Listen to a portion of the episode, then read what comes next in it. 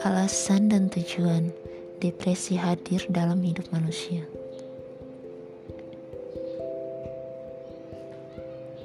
Kita, kita tidak tahu persis kapan depresi mulai membuntuti kita.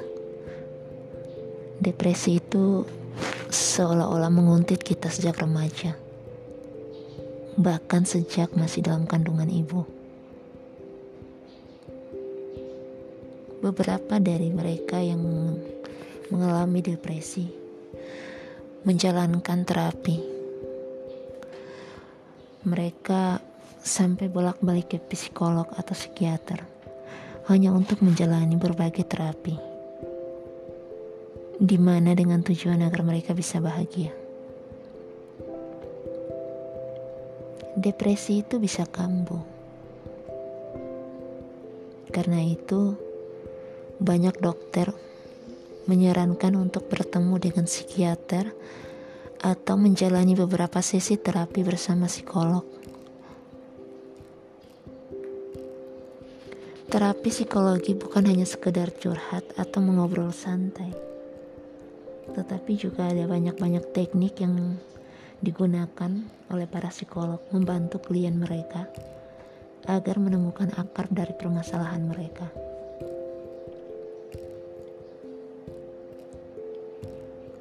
Orang yang mengalami depresi memiliki pikiran yang sangat kompleks dan negatif.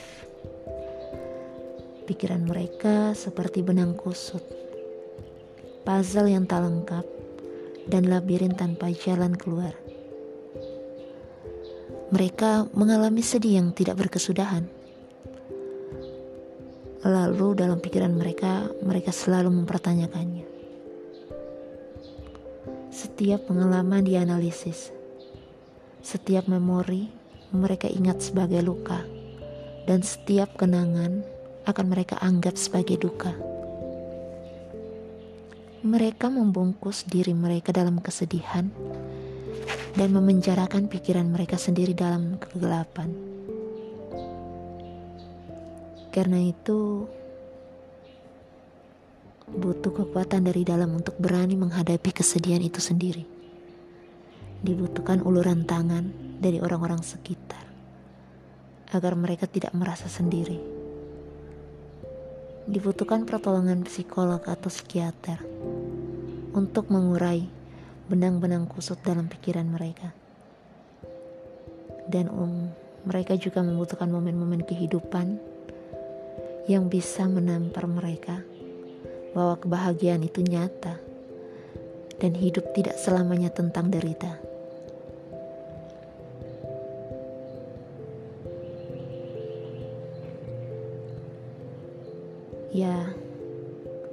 Banyak orang yang mengalami depresi,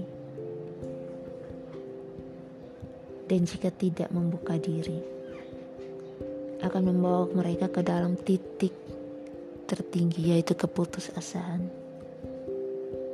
Bahkan dari mereka ada yang tidak sanggup menjalani hidup dan memilih untuk bunuh diri.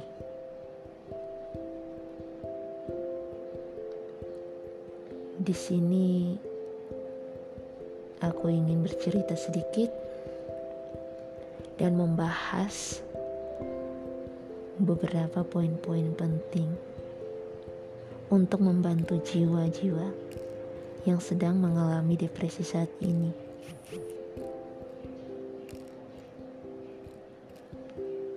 Jadi depresi itu jauh dari kata sederhana. Depresi dialami oleh setiap orang dengan cara yang berbeda dan depresi itu terkait dengan seluruh aspek kehidupan manusia. Jadi depresi itu seperti sebuah isu kompleks yang menghubungkan kita sebagai manusia.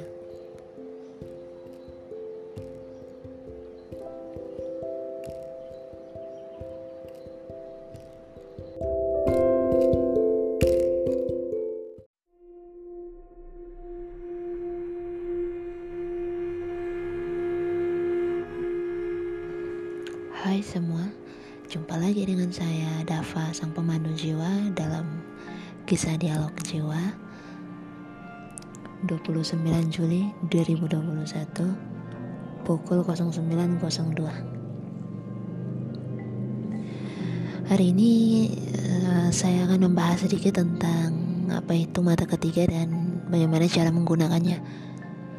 Jadi beberapa hari yang lalu saya bersama dengan beberapa tim komunitas Indigo saling sharing karena ada beberapa pertanyaan yang mengganjal yang berkaitan dengan mata ketiga. Um, ada per beberapa pertanyaan yang nanti saya bahas di sini. Seperti uh, memang semudah itukah saja membuka atau mengaktifkan mata ketiga? Ya, untuk saya sih memang mudah sekali. Uh, dan jika mau ditutup kembali bisa saja kalau kalian mau. Uh, karena dampak uh, apa? dampak aktif mata ketiga ini bersangkutan sendiri dengan orang yang ya yang mata ketiganya terbuka atau tertutup ini. Jadi yang berperan pada mata ketiga ini ketika dibuka adalah kelenjar pituitari atau kelenjar pineal.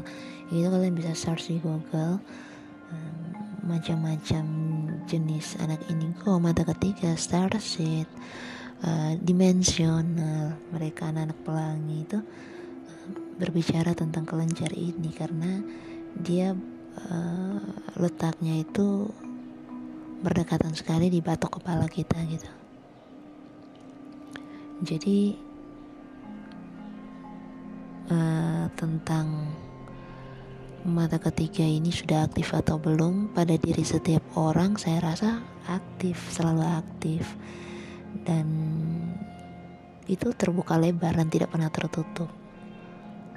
Jadi kalau ada orang yang bilang minta doa atau mantra atau apa ya yang pokoknya segala macam cara yang uh, untuk dibukakan mata batin itu saya rasa ya akal-akal saja.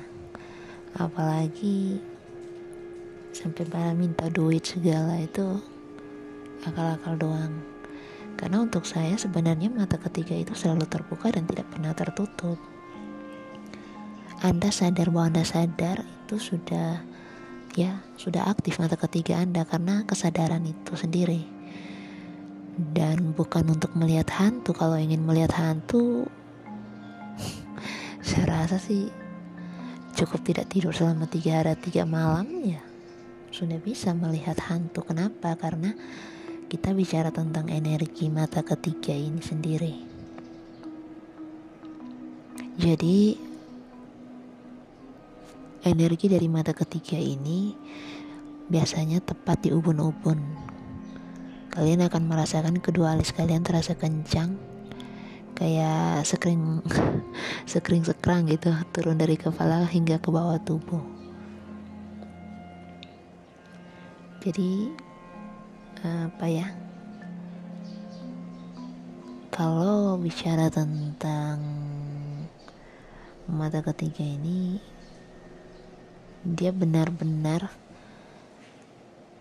akan kalian rasakan sangat berbeda jauh dengan orang yang punya kelebihan sejak lahir atau kita sebut dengan anak indigo ya. Karena mata ketiga ini apa ya istilahnya? Oke oke. Kamu bisa ngelihat setan beda dengan orang indigo karena orang indigo tanpa terlatih sedangkan mata ketiga bisa dipakai uh, dengan latihan untuk dibukakan gitu. Tapi kalau indigo tuh nggak usah pakai yang kayak gituan udah terbuka karena energi tadi. Karena energi ya. Jadi kalau kita konsentrasi saja di pusat kesadaran kita di cakra mata ketiga uh, ini bisa lewat meditasi kita sadar bahwa kita sadar ya kalau kita terpusat pada titik ini apa pun yang kita lakukan secara fisik berjalan apa adanya saya pikir ya spontanitas. Kamu bisa dibukakan mata ketiga kalian ya. Ya itu. Jadi nggak ada istilah kalau mata batin kita atau mata ketiga ini tertutup jadi kita harus ke orang yang pintar gitu ke paranormal segala macam untuk membuka nggak usah. Karena sudah sudah terbuka dengan sendirinya. Cuman ada beberapa selaput yang membungkus seperti itu. Ya selaput ini yang saya biasanya sebut dengan istilah ya energi semacam energi atau pokoknya seperti selaput putih lah yang menempel. Itulah mengapa ketika dia terbuka tuh pasti orang yang mengalaminya itu akan merasakan ya macam tadi saya bilang sekrang sekring gitu di kepala ubun-ubun itu. Kayak sakit yang beratnya tuh yang minta ampun di daerah sekitar dahi. Jadi ya sumber kesadaran kita itu jelas bahwa ada sesuatu dari atas sana yang datang. Jadi sinarnya itu bermacam-macam, tidak hanya putih saja seperti yang orang banyak kata, katakan. Ya putih juga sih, tapi lebih ke warna macam-macam pelangi. Itu kenapa? Anak-anak indigo itu mereka merasa bahwa dunia ini bukan dunia mereka. Lingkupnya di lingkup star set atau pusaran bintang jadi kalau orang yang uh, punya mata ketiga ini terbuka mereka akan lebih sadar pada simbol-simbol. Jadi ya saya sebut mereka cintia atau simbol kesadaran yang ada dalam diri kita yang kita sendiri yang tahu bahwa ya karena kita sendiri yang sadar. Jadi Katakanlah bahwa simbol-simbol itu sudah ada dan selalu ada, tidak bisa diciptakan dan tidak bisa musnah karena memang lahir dari diri kita sendiri. Ya gitu. Jadi ini saya rasa ya kita mau menuntun untuk membuka mata ketiga boleh saja seperti yang saya bilang tadi lewat meditasi. Jadi pada anak indigo empatnya itu yang benar-benar sangat amat terasa untuk diasah. Sedangkan pada mata ketiga, kalian bisa dituntun oleh naluri kalian sendiri. Naluri itu ya adalah cakra tubuh bagian bawah kalian. Hmm, tubuh bagian bawah ya. Jadi jangan takut untuk menggunakan naluri yang ada dalam diri kalian jadi kalau kalian sudah menggunakan menggunakan naluri ini intuisi kalian juga benar-benar akan terasa. Ya secara intuisi kalian sudah bisa melihat nanti apa saja yang terjadi. Jadi ini sebenarnya um, merupakan kemampuan supranatural tetapi tidak menggunakannya berbeda dengan orang-orang yang mendapatkan uh, higher self karena higher self atau kesadaran tinggi di diri kita itu muncul selalu dalam simbol-simbol. Jadi bisa jadi itu orang-orang spiritual bukan supranatural. Ya saya bisa bilang ya meditasi di cakramata ketiga ini bisa kalian lakukan selama ya dua kali setiap malam dan pagi hari 30 menit sekali lah. Kalau yang mau membuka mata batin atau mata ketiga kalian ini.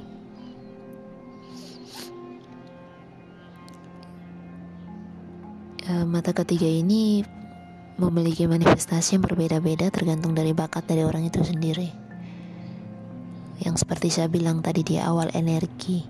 Jadi kalau kalian energi udara dan bakatnya menyintesis berbagai macam pengertian, belum tentu kalian bisa melihat energi, tetapi uh, terkadang kalian juga memperoleh penglihatan dan lebih sering memperoleh petunjuk di dalam mimpi. Bisa saja penglihatan itu suatu saat akan habis, tetapi kalian sendiri akan tetap berjalan. Berjalan di sini ya sudah tidak lagi memperoleh penglihatan, tetapi masih bisa memperoleh simbol-simbol dari alam mimpi yang seperti itu ya. Jadi ya bisa dibilang mata ketiga dan perjalanan spiritual kita itu bisa beriringan gitu. Jadi kepekaan batin itu mata ketiga dan jenisnya berbeda-beda. Orang yang dominan dengan elemen air akan bisa melihat macam-macam tanpa perlu latihan.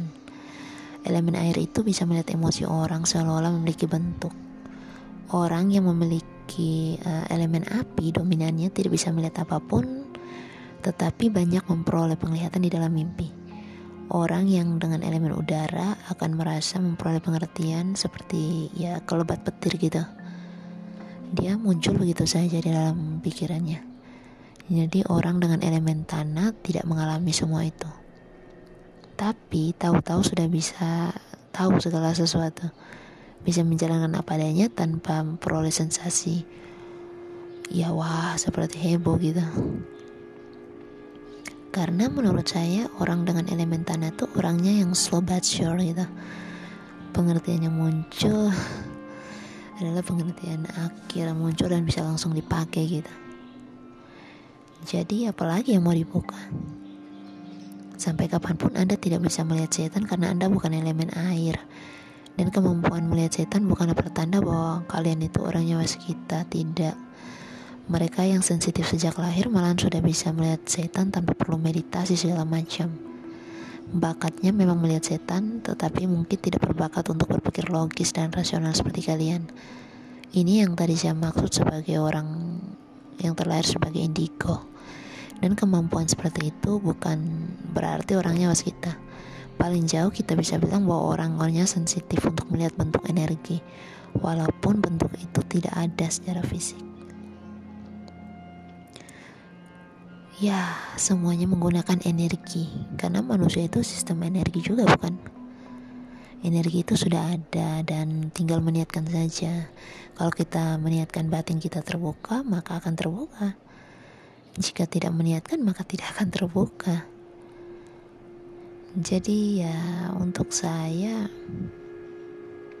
hmm, gimana ya? Gak usah percaya terlalu banyak dengan paranormal atau tim-tim doa atau dukun-dukun yang menjanjikan bisa membuka mata ketiga dan ya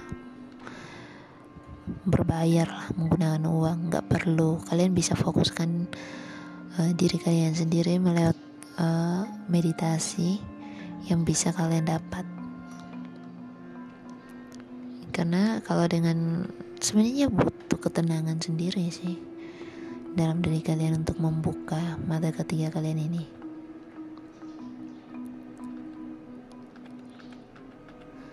Gak usah terlalu apa ya.